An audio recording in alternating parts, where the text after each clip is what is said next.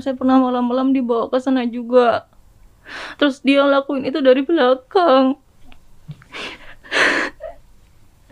Kalau masih ada yang nggak percaya, ya ampun. Saya sampai eh, dipaksa untuk oral seks. What the fuck? Jadi itu sampai Kamu saya- dipaksa untuk oral seks? Iya om. 5, 4, 3, 2, 1. Close the door. Saya buka aja ceritanya. Jadi eh, saya tuh nonton dikirimin dari Mbak Wanda Ponika eh, channelnya Cokro TV kemarin.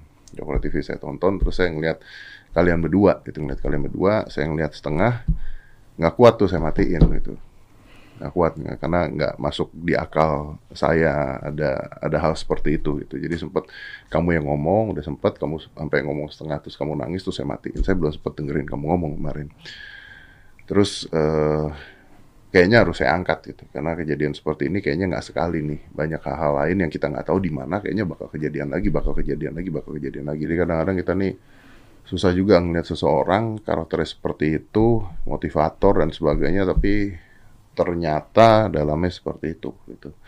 Jadi begitu saya ngeliat itu kemarin saya nyesek banget ya sialan ini orang pernah di acara gua lagi brengsek lagi gitu kan gua ngomongnya kita ngomongnya motivat motivasi dan sebagainya tapi ternyata pelaku pelecehan seksual. Oke gini. Eh saya nggak akan maksa kalian cerita yang kalian nggak mau cerita kalian nggak usah cerita. Tapi saya kalau kalian mau cerita kalian silahkan cerita itu aja. Tapi boleh gue mulai sama kamu dulu nggak? Boleh. ya. Saya dengar main cokro jadi awalnya itu ada kata-kata yang menurut saya aneh sekali yaitu sebelum kamu diapa-apain bakal dicium sampai dibuka bajunya celananya kamu dimotivasi dulu katanya. Saya tuh nggak ngerti maksudnya gimana. Maksudnya apa? Dikasih tahu apa sama dia? Ya. Eh, jadi gini Om waktu sa- waktu saya sekolah di sana kan JE itu udah intens sejak kelas 2 SMA. Saya kelas 2 SMA di situ. Dan memang di situ JE ini sering kali mencari jadi bibit-bibit di situ yang memang bisa dididik Hmm. khusus seperti itu. Nah, kemudian di situ saya dipanggil. Nah, sebenarnya bukan hanya saya, tapi ada teman-teman saya juga yang dipanggil satu persatu Hmm. saya dipanggil, saya dimotivasi seperti sy- eh, apa? Saya melihat bahwa kamu itu punya bakat leadership seperti itu. Kamu potensial dan eh, saya itu bisa loh jadiin kamu itu sesuatu Hmm. orang sukses. Hmm. Kamu percayakan sama Koko seperti itu. Hmm. Kalau kamu percaya, eh, turutin apa yang Koko bilang gitu. Hmm. Kalau kamu nurut, pasti Koko akan bisa jadiin kamu orang-orang sukses, Hmm. orang sukses seperti itu. Oke, terus Gitu, Om. Nah, setelah itu terus eh, si J ini merangkul saya, merangkul dan kemudian J ini kayak apa ya, bilang kalau anggap saya itu seperti ayahmu sendiri. Oke. Kan memang saya sudah nggak ada ayah sejak saya kelas 6 SD gitu. kamu nih i- yatim Iya, yatim. yatim ya oke Iya, nah kemudian setelah itu saya dipeluk. Nah, di saat saya dipeluk saya nggak ngerasa yang kayak gimana karena saya merasa bahwa ya Tuhan, ayah iya ini seperti ayah saya sendiri karena saya memang udah apa? Udah apa ya? ping- merindukan sosok merindukan, ayah ya, merindukan sosok Oke. ayah seperti itu. dan kamu masih percaya tuh sama dia masih percaya Saya masih percaya oke dan di situ kan memang kami diputarkan eh, video di sana oleh pembina kami bahwa JE ini adalah motivator dan sudah memotivasi ribuan orang di situ. Hah. Nah, se- se- sehingga saya kagum, saya kagum saya wah ini gimana ya? Kok bisa beliau seperti ini. Kami ingin bisa seperti beliau lah, sukses seperti itu. too good to be true ya. Iya. ada orang seperti itu tiba-tiba eh, apa deketin kamu dan sebagainya. Ini kayak sebuah harapan. Kamu dikasih Iya. harapan lah basicnya Iya, begitu kan? oke. Terus? Nah, terus sampai di situ yang saya kagetnya adalah eh, pertama kali di situ saya dicium gitu. Dicium nih apanya? pipi saya. pipi Jadi habis dipeluk saya dicium pipi saya dan waktu dicium eh, si J ini bilang "Eh, saya eh, anggap saya seperti ayahmu Ayah. sendiri. Koko ini sayang sama kamu. Percayalah Koko bisa bantu kamu. Kamu yang akan bisa mengangkat perekonomian eh, kehidupan keluarga, kamu. pada saat gitu. dicium kamu masih merasa ciuman seorang ayah nggak Eh, kalau itu sudah mulai aneh gitu kok ciumnya ke pipi. Kalau menurut saya pelukan itu udah oh, udah normal tapi kenapa harus mencium gitu mencium pipi saya Hmm. mencium kening mencium pipi nah kemudian mulailah mencium bibir saya gitu Om. Bibir ya. bibir langsung di situ Saya nggak tahu nih kalau saya merasa bahwa kalau sama anak ya, anak angkat juga cium paling mentok kening kali ya. Karena kening kan sayang gitu ya. Kalau pipi ya udah mau kalau bibir. Tapi kalau bibir kamu udah pasti shock dong ketika dicium itu. iya saya shock saya kaget udah nggak bisa ngapa-ngapain lagi saya udah kayak diem aja dari sejak di situ saya diem aja nggak Cium bibir ini maaf, cium bibir ini dikecup atau maaf atau gimana cium waktu bibir? pertama kali itu kayak nempel gitu aja Oke, dikecup gitu ya. Heeh. Oke. Berarti setelah itu ada lagi. setelah itu ada lagi gitu Oke. Nah, yang akhirnya kamu dipanggil? Ya, saya setelah itu waktu saya masih kelas 2 SMA, eh, waktu saya itu masih kelas 2 SMA dan kemudian ada kejadian lagi.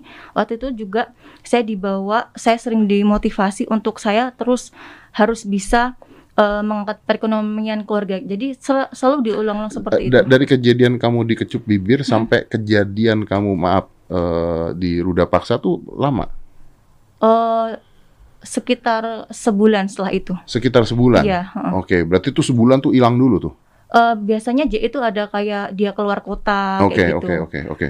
Lalu kamu dipanggil. Nah, dipanggil lagi, kemudian dimotivasi lagi. Eh, beliau ta- si J ini tanya tentang gimana keluarga kamu di rumah, ibumu gimana, adik-adikmu gimana, sehat-sehat kan, seperti itu. Jadi menanyakan tentang kondisi eh, keluarga saya gitu, Om.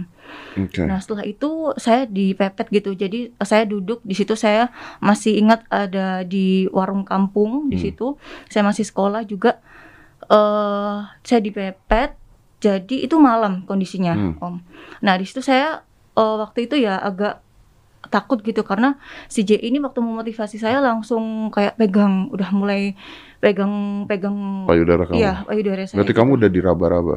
Iya, di situ udah diraba-raba di situ. Oke, boleh nggak eh, saya tanya ya? Maaf ya, boleh nggak saya tanya? Ketika itu kejadian, kamu nggak berusaha untuk mendorong atau berusaha untuk apa? Atau kamu bener-bener nggak tahu blank aja? saya udah kayak kaku kayak apa ya eh jadi gini Om Dedit apa J ini kan orang yang sangat eh, awalnya saya kagumi beliau sangat powerful di mana saya ini ingin sukses seperti JE saya langsung kayak kaget gitu jadi kayak saya bingung harus melakukan apa di situ jadi diam kaget dan secara Hmm. saya gak berani untuk berbuat apa-apa di situ Ya, ya, ya. Saya Oh. saya bisa paham itu kata tonik berarti badan kamu, otak kamu merintahin badan kamu untuk diem aja udah nggak Iya. bisa ngapa-ngapain ya. Iya.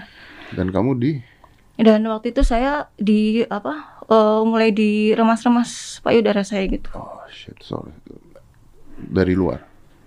Iya, Oke. dari luar terus eh terus habis itu mulai eh apa? eh, mulai meluk lagi terus kemudian saya disuruh untuk kembali ke asrama lagi. Itu sebelum terjadi pemerkosaan. Iya. Oke. Awalnya bisa terjadi maaf ruda paksa.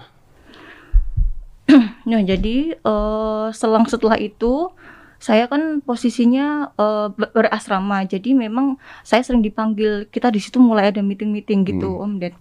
Nah, terus eh, waktu kejadian itu memang eh, saya dipanggil sama JE dan sa- saya waktu itu kaget karena eh, JE kan memang dia tidur di sekolah itu. Jadi ada ruangan khusus untuk JE ini tidur di sana menginap. Nah, saya dipanggil di situ keadaan sudah gelap.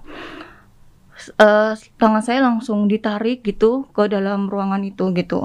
Dah saya di situ udah kayak eh, bingung. Saya harus melakukan apa? Saya nggak ngerti. Terus di situ langsung tiba-tiba kan kayak apa ya?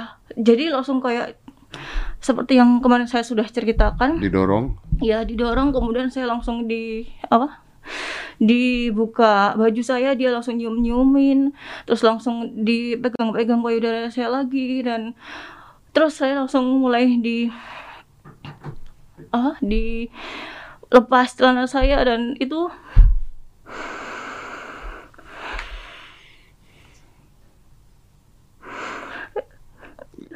Kamu Iya.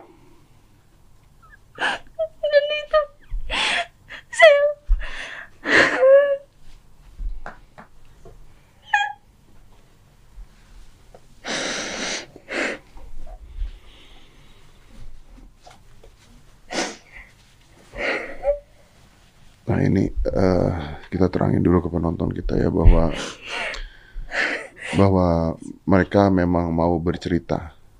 Karena cerita-cerita ini akan membawa orang tersebut sampai ke keputusan pengadilan. Ya. Tapi kalau kalau kamu nggak mau cerita, is oke. Kalau kamu nggak kuat, is oke. jadi kan di situ udah saya, saya langsung dipaksa terus dia langsung eh, menyetubuhi saya gitu om ded udah di situ saya merasa saya merasa saya nggak berharga saya merasa Tuhan ini gimana? Saya harus bagaimana saya nggak ngerti di situ.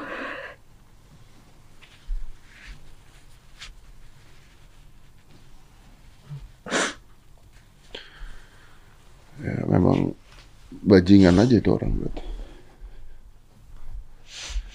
Tapi ini kejadian sudah 13 tahun yang lalu dan itu terjadinya di lingkungan sekolah, di lingkungan sekolah, ya di dalam lingkungan di dalam lingkungan sekolah. Oke, berarti gedung kal- sekolah. di gedung sekolah. Di gedung. Berarti kalian ini bukan korban satu-satunya ya? bukan Saya dengar katanya sampai ada beberapa beberapa, tapi ada orang berapa belas, tapi ada orang yang akhirnya tidak mau melaporkan, benar ada orang yang akhirnya eh, damai. ya Oke. Jadi memang beberapa dari kita ada yang tidak berani speak up karena memang sangat takut. Mm-mm. Takut karena apa? Takut karena kalian tidak mau tersebar bahwa kalian adalah korban atau takut pada orangnya?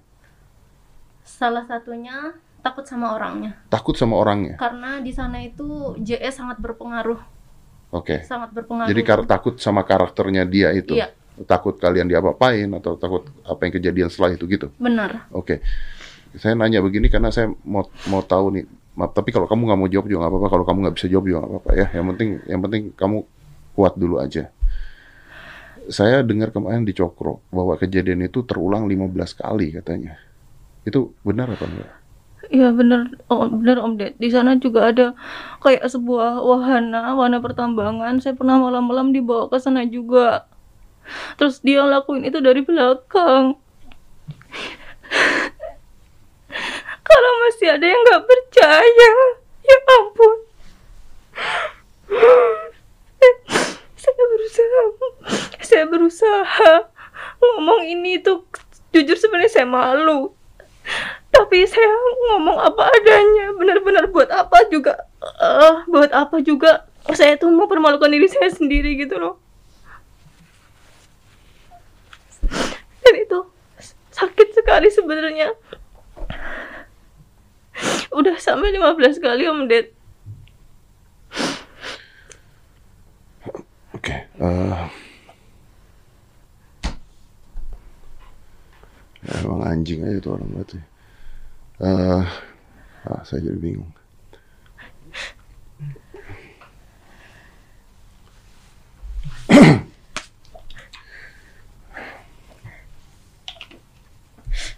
Eh,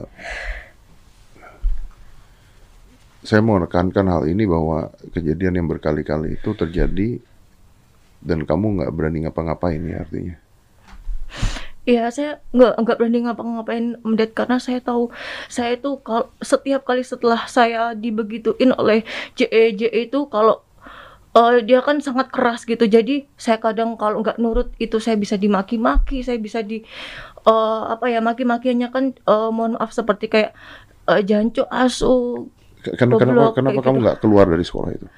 Nah di situ Om Ded saya saya sendiri itu kayak udah kayak terkukung di situ karena saya kan selalu dibilang bahwa sama JE eh, bukan hanya saya tapi teman-teman saya kalau kamu keluar kamu akan nggak jadi apa-apa. Kamu bersyukur kamu di sini tuh udah eh di apa kayak udah diangkat gitu. Kalau kamu keluar kamu akan jadi bambung lagi kamu akan jadi kere lagi. Kamu mau seperti itu? Kamu nggak bersyukur udah dapetin orang-orang seperti Koko seperti orang-orang di sini gitu. Terus jadi eh, intinya kayak kita tuh selalu dibilang kalau kamu di luar kamu nggak akan jadi apa-apa. Kayak gitu. Dan posisi saya memang kan kondisi keluarga saya nggak mampu gitu om Hmm. Waktu Jadi itu. kamu kamu nggak berani melakukan apa pun karena kamu apa takut apa karena Saya takut juga. Saya pernah waktu itu kan eh karena saya mau menolak, saya mencari alasan, saya nggak balas telepon atau saya nggak ngangkat, itu besoknya langsung saya dipukul, saya di kamu dipukul? Iya, saya dipukul, dicari-cari kesalahan saya. Saya dipukul, saya dicari-cari kesalahan saya. Kemudian saya itu eh dipukul ya ditepeleng gitu. Bahkan saya pernah diludahi juga gitu. eh jadi banyak kekerasan fisik juga yang saya alami di situ itu bertahun-tahun sejak saya SMA sampai dengan eh tahun 2000 terakhir tahun 2020. Bah, ya. Oke, itu kamu usia berapa? eh, Kejadian SMA. pertamanya? Eh, kejadian pertama saya kelas saya kelas 2 SMA 16 tahun. 16 tahun. Berarti ini eh, di bawah umur ya? Iya.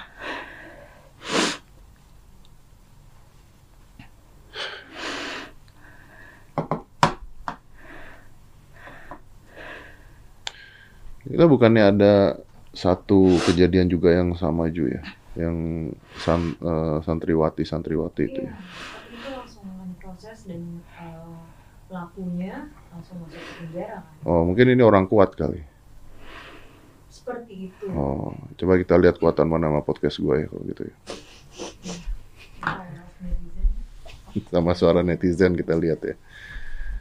Dan itu bukan hukuman mati ya, seumur hidup ya, Iya. Seumur hidup ya. Oke, tapi ini masih proses pengadilan. Ini masih proses pengadilan. Keputusannya kapan?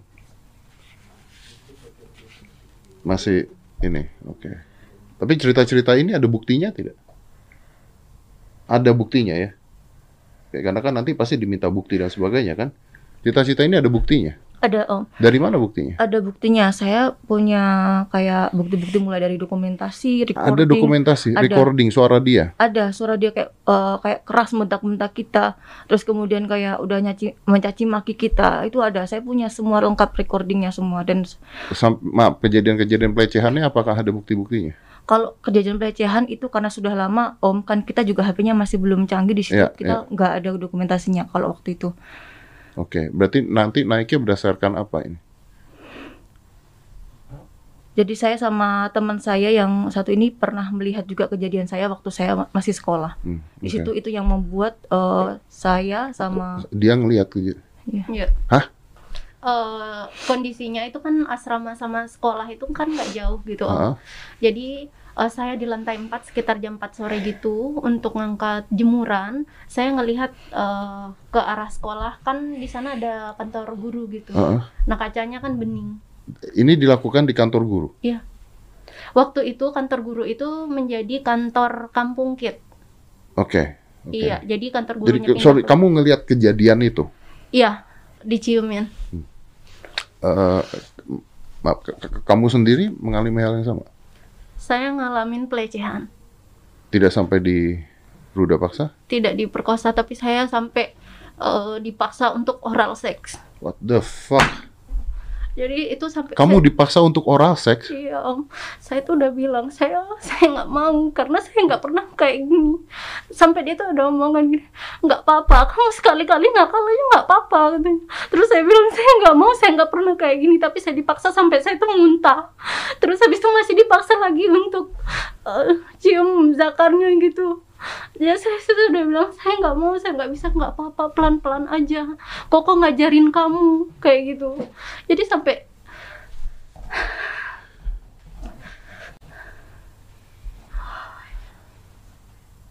itu bahkan ada saya tuh di kamarnya di kantor di kantor kampung kit itu juga dia itu eh, sampingan sama kamar-kamar guru yang lain kan kita di sana tuh sangat terbiasa dengan meeting sampai tengah malam om Aha. meeting sampai jam 1, jam 2 itu udah biasa buat kita. Suatu malam saya di WA sama JE. Saya pikir karena ada kebutuhan pekerjaan, karena di sana apa pun perintahnya kita harus ikut gitu. Saya naik, tiba-tiba saya udah ditarik ke kamar. Ditarik ke kamar, terus eh, lampunya udah langsung dimatiin. Dia langsung eh, cium-cium saya. Saya sudah saya nggak mau saya nggak mau saya nggak mau kayak gitu dia udah maksa cium saya udah cium eh, mulai kening bibir terus habis itu dia langsung lepas baju saya dia udah Kamu telanjang. bagian atas saya telanjang terus saya bilang saya nggak mau kok saya saya keluar aja saya keluar. Jangan jangan jangan keluar dia bilang.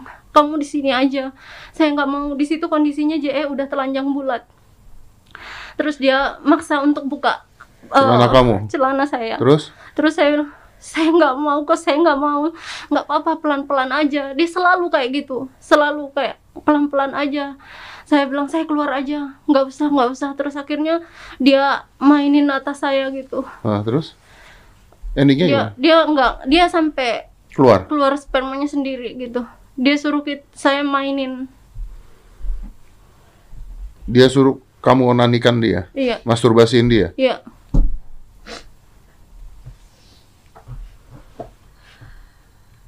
You know, if this is really happen, you're fucking shit.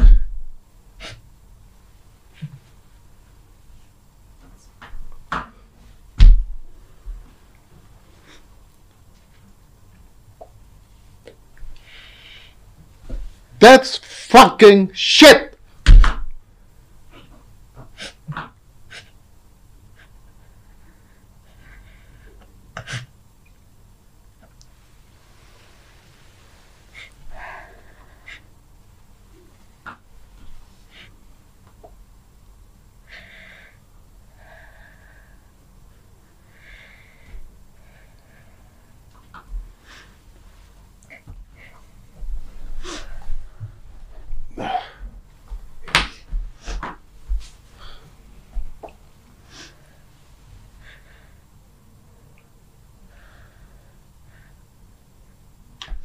Saya juga punya anak angkat masalahnya.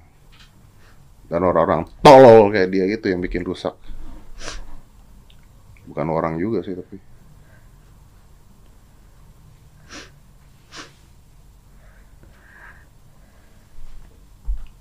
Oke, and uh,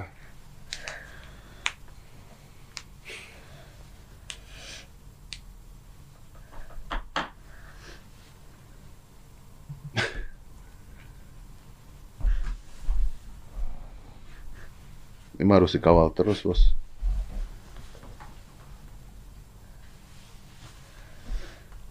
Karena kalau dengar ceritanya ya udah kayak ya sorry to say ya kayak hewan pak.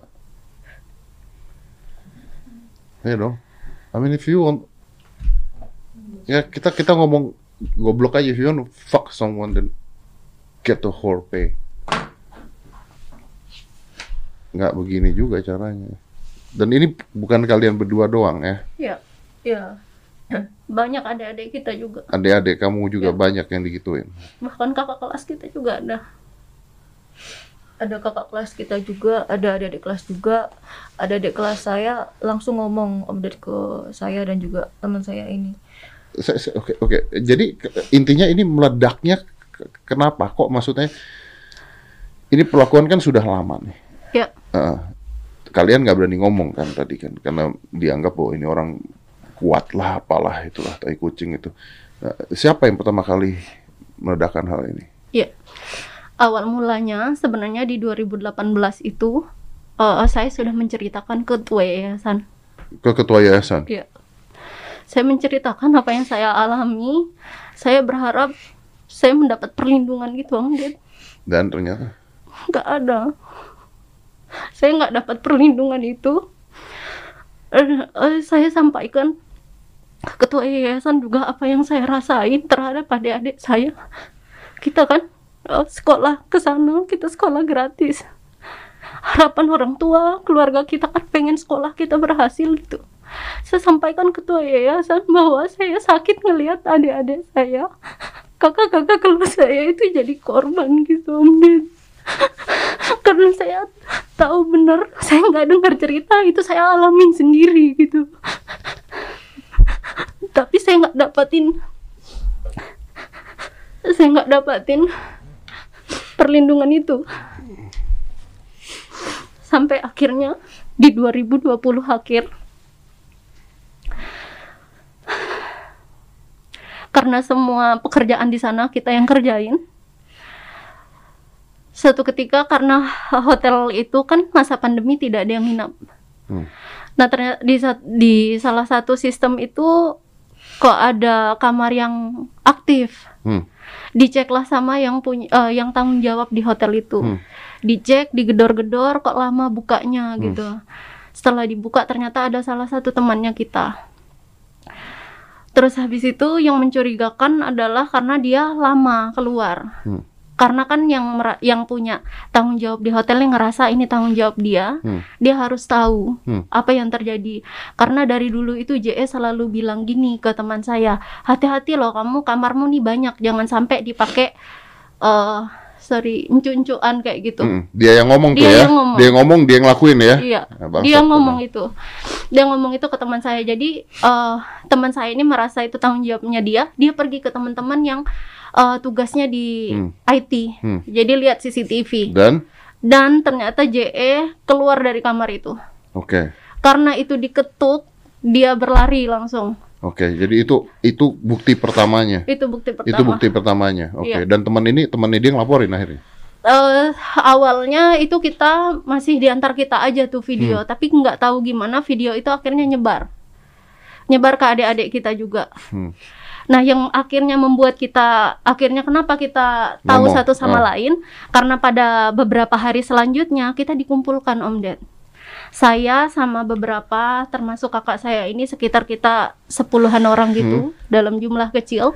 Kita didudukan, diklarifikasi sama JE Hmm. dia klarifikasi bahwa dia ke kamarnya kakak kelas kita itu tadi Hmm. untuk eh, menenangkan karena eh, usahanya dia lagi down usahanya dia lagi berantakan Hmm. karena masa pandemi Hmm. tapi kita sebagai korban kan kita tahu Kita kan ya, kalian tahu kejadiannya apa kan? Iya. Maksudnya kalian korban juga iya gitu kan? nah karena itu s- terutama saya dan kakak saya nggak terima gitu nggak terima dengan apa yang Alasan diklarifikasikan dikasih itu. ya. Pakai klarifikasi Betul, lagi gitu pakai ya. klarifikasi lagi. Akhirnya kita bercerita satu sama lain. Oh, ternyata kamu sampai digituin, ternyata kamu sampai segituin. Baru loh semua itu bocor. Benar, barulah kita saling cerita. gitu. Akhirnya, Oh, itu kita belum langsung ke itu Komnas. sih, belum. oke, Jadi kita masih ada di dalam situ dulu. oke. Oh, oh, nggak lama sekitar satu bulanan setelah itu kita mulai keluar. Sebenarnya tidak semua yang karena yang keluar eh, bareng-bareng sama kita itu sebenarnya nggak semua eh, berdasarkan oh ayo kita keluar enggak. Tapi itu karena memang mereka Keluar maksudnya benar apa? Oh ya, jadi di sana kan kita kerja. Oh, keluar dari pekerjaan? Iya. Oke. Nah, karena ada video itu salah satu pemicunya untuk keluar gitu, Oke, keluar oke. dari pekerjaan itu. Oke. Jadi kayak ah, semakin nggak benar nih gitu, semakin nggak benar. Jadi Ya, memang eh, saya sama adik kelas saya ini kita nggak pernah saling tahu Om Ded.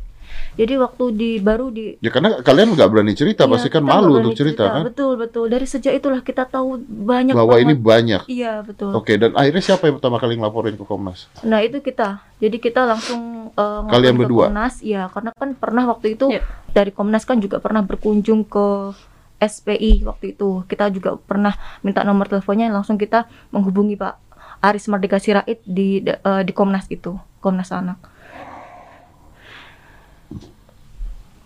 Dan mereka ini kalau nggak salah bukan hanya pelecehan seksual tapi juga eksploitasi karena mereka diwajibkan bekerja juga tapi dengan upah minim ya. Iya. Kalau masa sekolah malah kita nggak ada upah. Oke. Setelah itu dengan gaji berapa? Oh, pertama kali lulus kita dapat 300-an sampai 600-an. 300 sampai 600 ribu. Iya. Oke. Eh, Kasusnya sekarang sampai mana? Eh, sekarang saya ngikutin yang sekarang itu udah sudah sampai sidang ke-18. Sidang ke-18. Iya, heeh.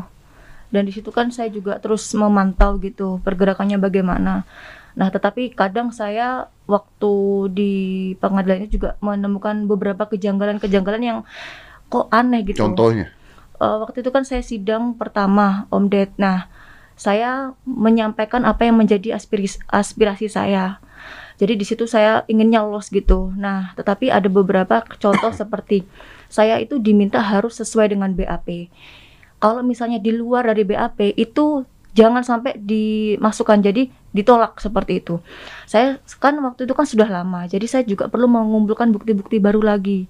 Nah, saat saya ingin menyampaikan bukti-bukti baru seperti foto atau video atau recording itu tidak boleh diputar, tidak boleh dikasihkan langsung ke hakimnya. Nah, sedangkan pihaknya JE, pengacaranya JE itu dengan mudahnya memberikan BAP BAP baru yang di mana itu tidak ada di BAP-nya saat bukti baru eh, bukti-bukti baru yang tidak dihadirkan di saat itu gitu. Jadi tambahan eh, yang mulia ini saya ada eh, bukti baru lagi foto langsung dikasihkan langsung dikasihkan. Loh kok saya nggak bisa? Saya juga udah ngeprint saya sudah bawa. Saya ada bawa flash disknya. Saya mau mengajukan tapi nggak bisa. Nah baru yang di pengacaranya J ini langsung lancar gitu om. Itu yang membuat saya kok aneh di situ. Itu saya yang bingung sampai dengan hari ini. Sampai sekarang masih berjalan berarti. sidangnya masih berjalan. Kalian harus datang ke sidang itu. sekarang eh, proses persidangan dari eh, saksi yang meringankan untuk terdakwa. Oh. Ya. Dan ini udah berapa lama Eh, kasusnya kasusnya? kasusnya udah satu tahun lebih Satu tahun lebih. Iya. Di di mana sih ini? Per- eh, di Ba- Batu Malang. pelaporannya di Polda Jatim ah, prosesnya di mana? eh, sekarang di PN Malang Oh di PN Malang Iya. sekarang. Oh. Orangnya berarti masih di luar. masih om dan sampai sekarang nggak ditahan sama sekali padahal sudah tersangka sudah menjadi terdakwa. Otomatis kalau polisi sudah eh, menetapkan itu kan pasti ada sesuatu yang memang ini salah gitu kan. Om kenapa nggak ditahan gitu? Oke, kamu berani ngomong gini, kamu nggak tahu, kamu nggak takut resikonya? saya ngomong kebenaran. Saya ngomong ini untuk perubahan eh, bagi sekolah. Karena saya teman saya ini kami pengen adik-adik kami yang di sekolah itu aman gitu om jadi nggak saya kurang tahu ya tapi saya meyakini bahwa apa yang saya sampaikan ini adalah sebuah kebenaran seperti itu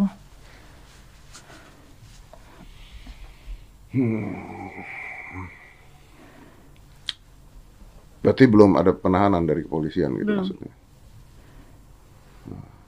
Udah tersangka tapi? sudah udah terdakwa Udah terdakwa juga? Dan eh, ada kabar berita gitu ke depannya gimana? Kalian kan ngomong di, ada berapa channel kalian ngomong? Ada berita positif kah setelah kalian bicara? Karena kayaknya banyak yang nge-share juga kan? Atau masih sama aja? Sebenarnya kalau eh, setelah yang kemarin eh, dari Cokro TV yang kemarin kami juga eh, sudah podcast dan di situ sudah mulai ada banyak perubahan gitu sih, mulai dari jaksa sama dari tim yang ada di pengadilan situ, Om Ded. Tapi sebelum-sebelumnya itu eh, kurang adanya informasi yang kami dapatkan dari dalam sendiri gitu. Hmm, hmm, hmm. Padahal kami sebagai korbannya kan kami berhak untuk mengetahui apa saja pergerakan informasinya kayak gitu. Hmm, hmm. Oke. Kita lihat habis dari sini. amin Amin. Dan sebenarnya Om Ded yang saya sangat kecewa adalah sebenarnya banyak orang yang tahu kasus ini baik itu dari pembina, dari teman-teman saya sendiri yang masih ada di sana itu mereka tahu Tapi mau kejadiannya. ngomong. Tapi diam dan nggak mau ngomong. Kenapa? Menurut kamu kenapa? Itu yang saya nggak nggak- ngerti apa yang ada di dalam pikirnya pikirannya mereka gitu. Yang saya selalu berdoa adalah Tuhan beri eh, semoga Tuhan berikan eh, apa ya eh, pembelaan seperti itu kepada kami para korban. Karena saya nggak habis pikir itu kita udah sampai ngomong ke te- ke ketua yayasan kayak teman saya. Dan dicuekin. ya Kalau memang benar berarti kejahatan ber- terorganisir dong. Iya dong. Hah? iya bisa jadi karena ada tahu semua sebenarnya Iya, walaupun mereka ya mereka nggak mau ngomong atau nggak mau bantu karena takut, tapi kan tetap aja sama kan. Kalau kita melihat sebuah perilaku kejahatan dan kita diam tuh kita juga termasuk dalam melakukan hal tersebut loh. karena menutupi Karena menutupi kan, menutupi itu juga pidana juga loh. Kalau kita tahu ada kejadian tersebut tapi kita nggak mau memberitahuan orang lain. Dan di sana itu Om Ded saya kenal kenal sekali eh, mentor-mentor saya di sana juga Ah. orang-orang di circle-nya JE ini itu adalah orang-orang terpandang yang saya juga sangat salut dengan pencapaiannya beliau-beliau semua. Tapi ya waktu saya bahkan diberikan kekerasan verbal itu mereka pada diem aja dan tidak melakukan apa pun gitu. Itu saya bingung maksudnya sampai sebegitunya ke JE ini. Kalau eh bagi kami ya Om di sana itu J itu sudah seperti kayak apa ya kayak apa ya sesuatu yang apa untouchable nggak bisa Iya, disentuh. iya. Jadi kita nggak berani bantah apa pun gitu. Jadi kalau disuruh ke kiri ya ke kiri, disuruh ke kanan ya ke kanan. Kalau kita kena marah, terima dulu walaupun kamu nggak salah. Itu saya ngalamin sendiri. Yang salah divisi lain, saya dipanggil, saya dikaplok gitu. Di kaplok. Iya, Ini kerja nih lagi kerja. Iya. Di kaplok. iya bang. Iya om. Berarti kan- Berarti kamu kalau lagi kerja hitung- hitungannya statusnya pegawai dong. Iya.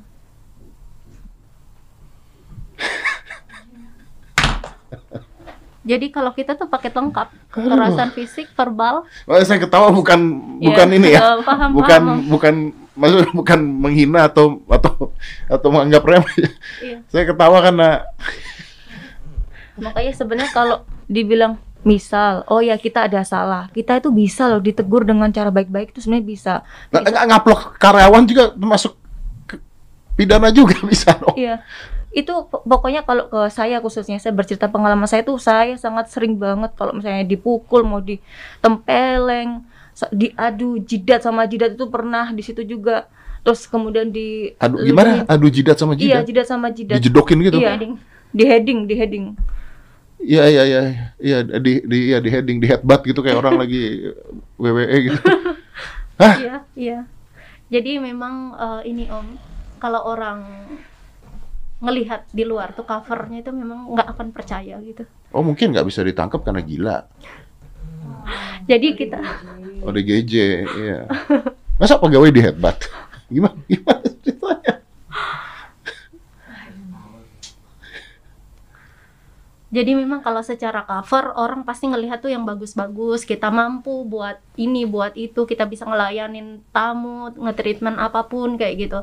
Tapi kan kebanyakan nih Om, yang dari podcast-podcast yang sebelum-sebelumnya ada yang bilang kayak gini, loh saya ke sana mereka kok happy-happy aja, nggak kayak tertekan gitu. Mereka nggak tahu apa yang kita rasain. Tapi kalian berpura-pura happy gitu. kita harus ngelakuin itu mereka nggak tahu seberapa lelah seberapa kita memperjuangkan mempertahankan informasi itu ke keluarga kita. Mempertanggungjawab itu terhadap diri kita sendiri kayak gitu. Mereka nggak tahu. Jadi kalau buat netizen buat orang-orang di luar kalau nganggap bahwa memang di luar tuh terlihat bagus rapi epic banget memang saya lakuin gitu. Tapi kita minta apa yang kita alami ini jangan ditiadakan, jangan di denial gitu. Karena itu benar-benar kita alami. Kita Ya. tidak kita tidak bersaksi dengan apa yang orang bicarakan saja gitu. Ini benar-benar kami alami gitu. Ya, jangan dinihilkan lah ya intinya Iya. ya. Nah, keluarga kalian gimana setelah tahu ini kejadian? Ya, awalnya keluarga saya tuh sangat eh, marah sekali khususnya eh, ibu saya gitu. Nah, cuman kan posisinya karena si J ini udah pernah eh, sekitar 3 sampai 4 kali datang ke rumah saya mengunjungi ibu saya dan tahu lokasinya di mana, Om. Setelah kasus ini saya Pindah? pindahkan dulu. Saya Karena pindahkan takut? dulu. Iya, betul. Itu karena karena J itu sering kali mengumpulkan kita baik itu dari eh, baik itu eh, versi yang kayak oh kita bareng-bareng semua sekelas gitu. Kalau nggak di tim intinya aja, J sering ngomong kalau saya ini kenalan saya tuh ada banyak. Saya itu dari nakal, dari orang-orang yang Apa nakal? jadi kayak misalnya saya itu tahu kehidupan dunia hitam, dunia putih. Kenalan saya itu mulai dari tukang becak sampai jenderal pun saya kenal. Jadi ya saya sudah ngerti semua kalian jangan macam-macam seperti itu. Sama saya juga kenal dia tukang beca Mbak Jenderal nggak merkosa orang. Bilangin itu ntar kalau ketemu. Ini mah nggak ada urusan kenal-kenalan apa nggak ada kenal-kenalan. Wah, Kalau anjing mah anjing aja. Kalau kejadian bener ya, kalau ini semuanya bener ya. Ya nanti kita lihat aja coba gimana kasusnya eh, berjalan. Tapi intinya kalian yakin bahwa kalian bukti-bukti kalian semuanya siap. Ya, Nah, ka- kalian sekarang dengan keadaan seperti ini, apakah ada psikolog atau psikiater yang menemani yang kalau selama ini ada dari LPSK, LPSK yang membantu psikolognya kami gitu, Om. LPSK itu lembaga Lembaga Perlindungan Korban dan Saksi. korban dan saksi. Iya, heeh. PKS berarti. Saksi dan Saksi korban. dan Iya, korban saksi ya. dan korban. Saksi dan korban. Oke. Iya. Itu di ditemanin gitu. Eh, kadang sekitar sebulan sekali diajak ngezoom kayak gitu. Ah. Cuman memang karena ini dampaknya ke kami itu sangat berat banget Om. Jadi setelah kami eh, memberikan pelaporan di Polda Jatim waktu itu, saya nggak ngerti dari pengalamannya teman saya. eh, khususnya kalau saya tuh sering kali kayak mimpi buruk, kemudian eh, saya jadi apa ya kayak pusing sekali, kayak sakit kepala gitu. Jadi kalau misalnya aktivitas gitu kadang keinget, terus kemudian kadang ada nangis-nangis Hmm. sendiri, kadang eh, apa jadi kurang stabil gitu dari pribadi saya sendiri kayak emosinya gitu seringnya nangis terus habis nangis tuh sakit kepala kayak tak kayak kemarin juga itu sakit kepala banget gitu Kalian eh, sorry, lanjut. Sam- sampai nggak mengganggu banget ke pekerjaan gitu Sekarang kalian masih ada kerjaan? iya Udah Kita- pindah kan dari sana? sudah sudah sudah pindah dari Oke, sana oke. Eh, Saya pengen tahu kalian se- sekarang trauma tidak? Dengan gini, dengan misalnya ada ada cowok yang deketin kalian atau mau deketin kalian, trauma nggak kalian? trauma masih trauma sampai sekarang khususnya adalah orang dewasa itu yang kita trauma banget Nah, tapi maaf ya, tidak semua orang dewasa seperti itu. Iya, ya. iya. itu bukan orang dewasa, itu orang sakit. iya Ya. Karena umurnya mau dewasa, mau muda, mau apa, kalau melakukan hal tersebut ya itu orang sakit. Kan sebenarnya sebenarnya kan eh, basically kita tuh punya norma kan. Ini kalau ketika normanya sudah, ini kan intinya dia tidak punya norma kan gitu kan. Nggak punya. Saya sempat kok ngomong di mana-mana. Saya di podcast juga di mana juga saya ngomong. Kalau namanya cowok ngeliat cewek cantik ya pasti nafsu, pasti suka. Yang menghentikan dia tidak melakukan itu kan adalah norma dan kewarasan dia kan sebenarnya kan. Nah ini kan berarti kan norma dan kewarasannya sudah hilang, makanya jadinya binatang karena binatang tidak punya norma, tidak punya kewarasan gitu kan. Ya. Basic kerjanya cuma insting doang. Ya, itu yang kalian hadapi makanya. Nah, kalian ada ancaman, ada macam-macam dari orang-orang. ancaman? Kita ngerasain. Hmm, apa bentuknya? salah satunya kita ada anonim yang ngirim kita kayak kalian di mana? Kita jemput. Kita patahin kaki kalian. Nggak usah macam-macam kayak gitu. Eh, terus habis itu memang beberapa kali kita kayak eh, jadi kayak paranoid nggak paranoid atau gimana ya bilangnya om kayak ngerasa ada orang yang datangin rumah Hmm. makanya itu saat di pengadilan saya itu sampai make sure ini aman tak kita menyampaikan alamat Hmm. karena saking takutnya gitu jadi ya, kalau karena misalnya ada tukang sate jalan aja kedengeran orang lewat rumah bisa stres ya. Iya dong. Karena trauma kan bisa. Iya. Jadi kalau ditanyain trauma itu saya pribadi itu lumayan berat sih buat saya. Kayak untuk memulai hubungan baru itu kan bukan sesuatu yang mudah untuk saya sekarang karena Iya. saya ngerasa kayak aku udah nggak ada harganya, udah nggak apa ya ya ke- kamu cari yang lain aja nggak usah aku aku No, Dan- wrong, that's wrong. Yeah. No, that's iya wrong. om No. cuman aku kayak That's- ngerasa That's totally wrong. hidupku kayak udah berat banget gitu dengan semua kayak gini kayak ngerasa nggak layak aja No, that's, that's wrong. Don't, kamu nggak boleh berpikir seperti itu sama sekali. Nggak ada urusan, nggak ada urusannya masa lalu yang kalian lewatin, yang kalian hadapin, dan ini kan bukan pilihan kalian, kan bukan kemauan kalian kan sebenarnya kan. Nggak ada urusannya. Kalau misalnya ada orang-orang yang menganggap kalian rendah gara-gara itu kejadian dan sebagainya, orang anggap kalian rendah lebih rendah lagi karena orang itu nggak mengalami apa yang kalian alami terus bisa menilai kalian seperti apa. No, that's wrong. I'm not agree with that. Saya nggak setuju dengan kata-kata itu. Kalian harus kuat lah. Nggak ada urusan. Nggak ada urusan dengan masa lalu kalian kok. Saya ngeliat kalian berdua aja, saya ngeliatnya normal, wanita cantik, muda, yang pernah punya masalah, bercerita. Nggak mikirin, oh kalian udah pernah diiniin, pernah diapain. Kalian korban kok. Kalian korban. Kalian nggak jual diri, kalian nggak apa, kalian korban. Kalau kamu masih berpikirnya gitu, ke depannya kalian akan nyusahin diri sendiri. Enggak. Kalau misalnya ada cowok yang merendahin kalian gara-gara kalian korban dan sebagainya, ya dia bukan cowok gitu.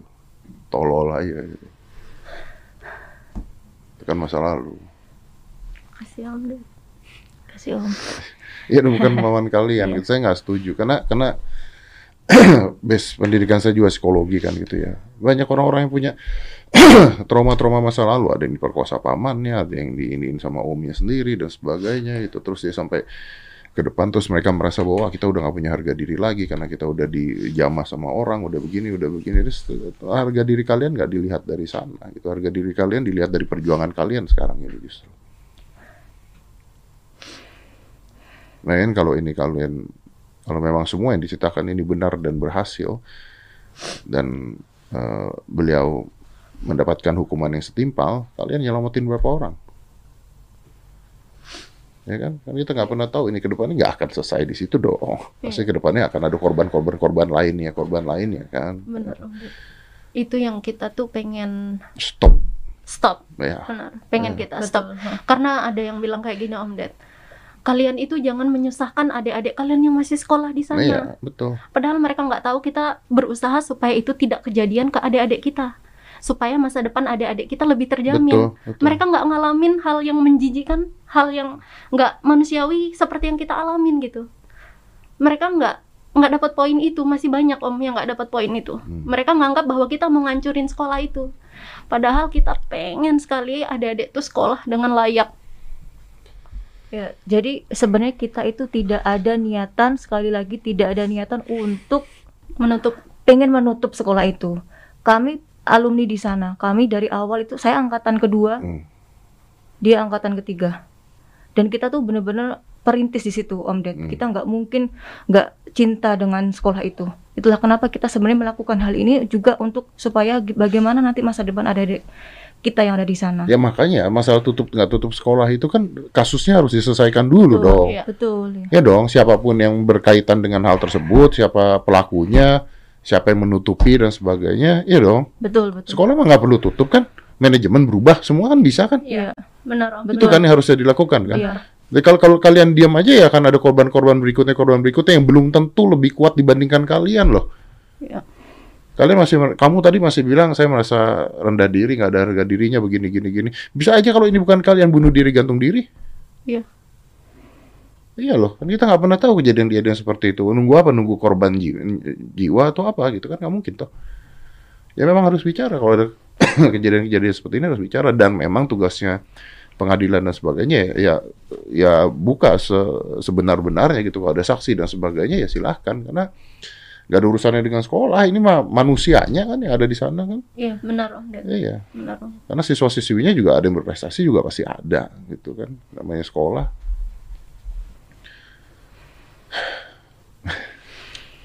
Saya bingung ngomong sama kalian. Tapi harapan kalian apa deh gitu? Ya, kalau dari harapan saya sih apa ya?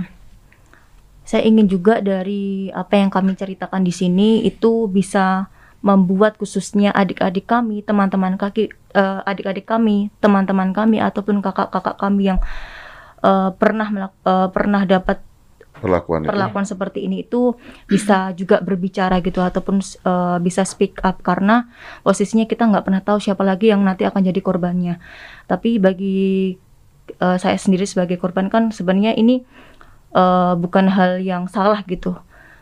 Kalau kita malu kalau kita salah gitu. Kan kita ini sebenarnya melakukan hal yang benar. Jadi bagi teman-teman ataupun adik-adik kami yang masih belum berani, mari ayo sama-sama saya dan juga teman saya yang di samping ini kami sudah pernah mencoba dan hari ini sudah mulai plong meskipun saya tidak tahu apa judgement yang akan orang sampaikan ke kami tapi kami sudah menyampaikan apa yang menjadi keharusan atau kewajiban kami yang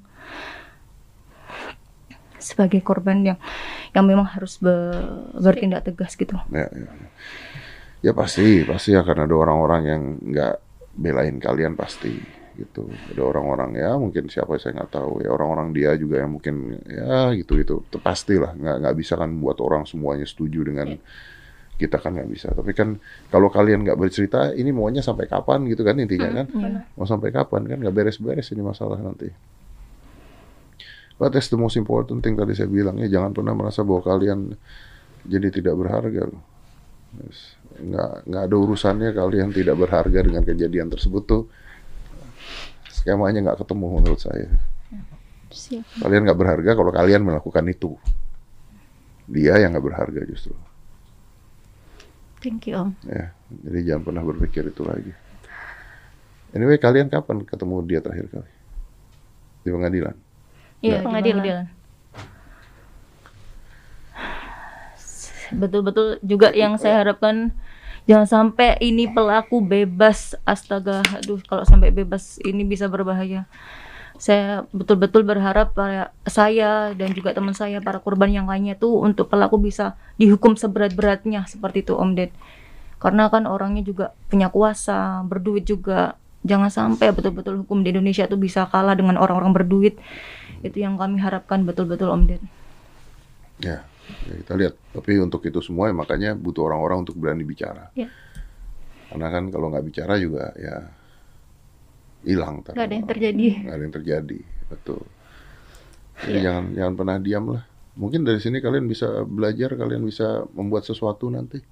Amin. Ya kan? Amin. Saya nggak tahu kalian kalau misalnya kasus ini beres dan sebagainya, mungkin kalian bisa jadi pejuang keadilan buat perempuan, buat wanita, buat korban-korban. Amin. Amin. Iya kan? Banyak loh yang melakukan hal tersebut dan akhirnya bisa berguna juga untuk generasi ke depannya. Iya. Ya. Ya tapi Entah satu ah. Apa itu Ju? Ada mau? Lucu aja sih. Ah, boleh apa? Maaf ya. Baca mas. Anda ingin sukses selama tidak berdosa, lakukan. Tuh. Oh ada. Oh ya. Ada satu lagi. Ya. Dipaksa, terpaksa, terbiasa. Oh. Iya, ini sering banget diulang-ulang ke kita dari kita sejak sekolah. Itulah yang memang kita dari kelas 1 itu Om, kita memang semuanya itu dipaksa semuanya. Segala sesuatu dipaksa sampai kita terbiasa melakukan itu. Ya memang betul. Akhirnya itu kita- saya saya setuju. saya setuju. Ya. saya Ya, cuma- setu- saya setuju hal tersebut karena aduh aduh Eh, ingat ya saya nggak ngetawain kejadian ini ya netizen suka goblok kadang-kadang. Ketawa ntar dibilang Iya. ketawain korban. Nggak, ini ini lucu kan gitu loh. Maksudnya ya memang dipaksa terpaksa terbiasa tuh memang betul gitu. Kalau misalnya untuk olahraga gitu ya, untuk bangun pagi untuk hal positif kan gitu kan. Saya juga ngajarin anak saya juga gitu. Dari kecil dia saya ikutin bela diri dari umur 6 tahun. Ya awalnya dipaksa. Lama-lama apa dipaksa Terpaksa, terpaksa. Terbiasa. terbiasa bahkan sekarang bukan terbiasa sekarang sekarang edik dia nggak bisa berhenti dia. Iya, Ya, karena halnya positif Benar, gitu loh benar. bukan untuk hal-hal negatif seperti ini. Jadi gini lah untuk masyarakat juga ya ketika kalian lihat motivator tuh juga kalian jangan langsung dengerin kata-kata mereka terus kalian nganggap wah ini kata gini kata-kata mereka tuh pasti berbunga-bunga. Tapi here's the thing they do not walk your walk that's the problem. Mereka nggak ngalamin apa yang kalian alamin gitu. Jadi kadang-kadang saya juga eh, dengerin motivator orang dengerin motivator nggak ada salahnya ya tidak semua motivator seperti ini loh ya. Ingat ya tidak semua motivator seperti ini tapi tahu motivator terbaik buat kalian ya diri kalian sendiri gitu. Jadi lebih baik dibandingkan kalian sebelumnya. That's it as simple as that kok gitu. Jadi dan untuk para motivatornya juga kalau kalian mau memotivasi orang gitu satu tujuannya jangan untuk negatif karena kalau negatif Anda bukan motivator Anda manipulator Anda memanipulasi pikiran orang untuk berbuat untuk kalian mendapatkan keuntungan yang kedua gitu ya kalian kalau motivator ya jangan mengambil keuntungan hanya dari omongan-omongan kalian terus kalian nggak bertanggung jawab terhadap orang-orang itu dan jangan melakukan hal seperti ini. Makanya saya sempat ngomong tuh kemarin saya dengerin motivator saya juga pernah ngomong gitu tapi setelah saya pikir-pikir kayaknya salah. Kan sekarang banyak motivator bilang keluar dari zona nyaman, keluar dari zona nyaman. Kemudian saya mikir loh kita kerja capek-capek supaya masuk zona nyaman disuruh keluar tuh gimana? tapi kalian yang kuat ya. Siap. Siap. Terima kasih Om Ded. ya kalian yang kuat yang pasti eh, ya kalian pahlawan lah ya jadi kalian yang kuat Nah, saya yakin setelah ini juga pasti banyak yang bantu Amin. Ntar kalau ada apa-apa juga bisa kontak kita lah kita bantu juga lah Terima kasih banyak Om Ded. saya juga kenal kok dari tukang beca sampai jenderal. Kita sangat berterima kasih saya yang sekali terima Om kasih Ded banyak kalian karena Terima kasih banyak. nggak nyangka bisa datang ke sini. Iya, sungguh gak nyangka banget. Jadi begitu dengar berita itu kayak, what? It's real? Yes, it is because I think hal-hal seperti ini perlu disebarkan. Ya, kalau enggak ya tadi kalau nggak bicara ya diam. Banyak orang nggak berani bicara soalnya sekarang. Dan kalau ini buat kebenaran ya selama tidak berdosa lakukan. dilakukan. Iya, Ini Tapi yang benar. Ini yang benar. Ini yang benar. benar. Iya, iya. Sama tidak berdosa lakukan. lakukan. Dan nanti Anda ngomong ke orangnya, kalau misalnya benar kejadiannya sudah selesai semua, misalnya, ya kita kan nggak tahu ya, tapi misalnya udah benar semuanya, terbukti, tertangkap, nah nanti kalian bisa ngomong. Dipaksa, terpaksa, terbiasa. Di penjara. Tetap semangat ya, tetap Siap, semangat siap. ya. Jangan pokoknya jangan pernah putus asa, Ya, jangan ya. pernah rendah diri. Pokoknya you are beautiful, you're smart, and you're amazing. So keep it like that, ya. And keep on uh, speak up ya. Jangan pernah kalah dengan hal-hal lain. Kalau itu kebenaran, lakukan. Thank you. I'll see you Makasih again, banyak, ya. Terima Om kasih Ded, banyak ya. ya. You're amazing. Let's close this. Five, four, three, two, one, and close the door.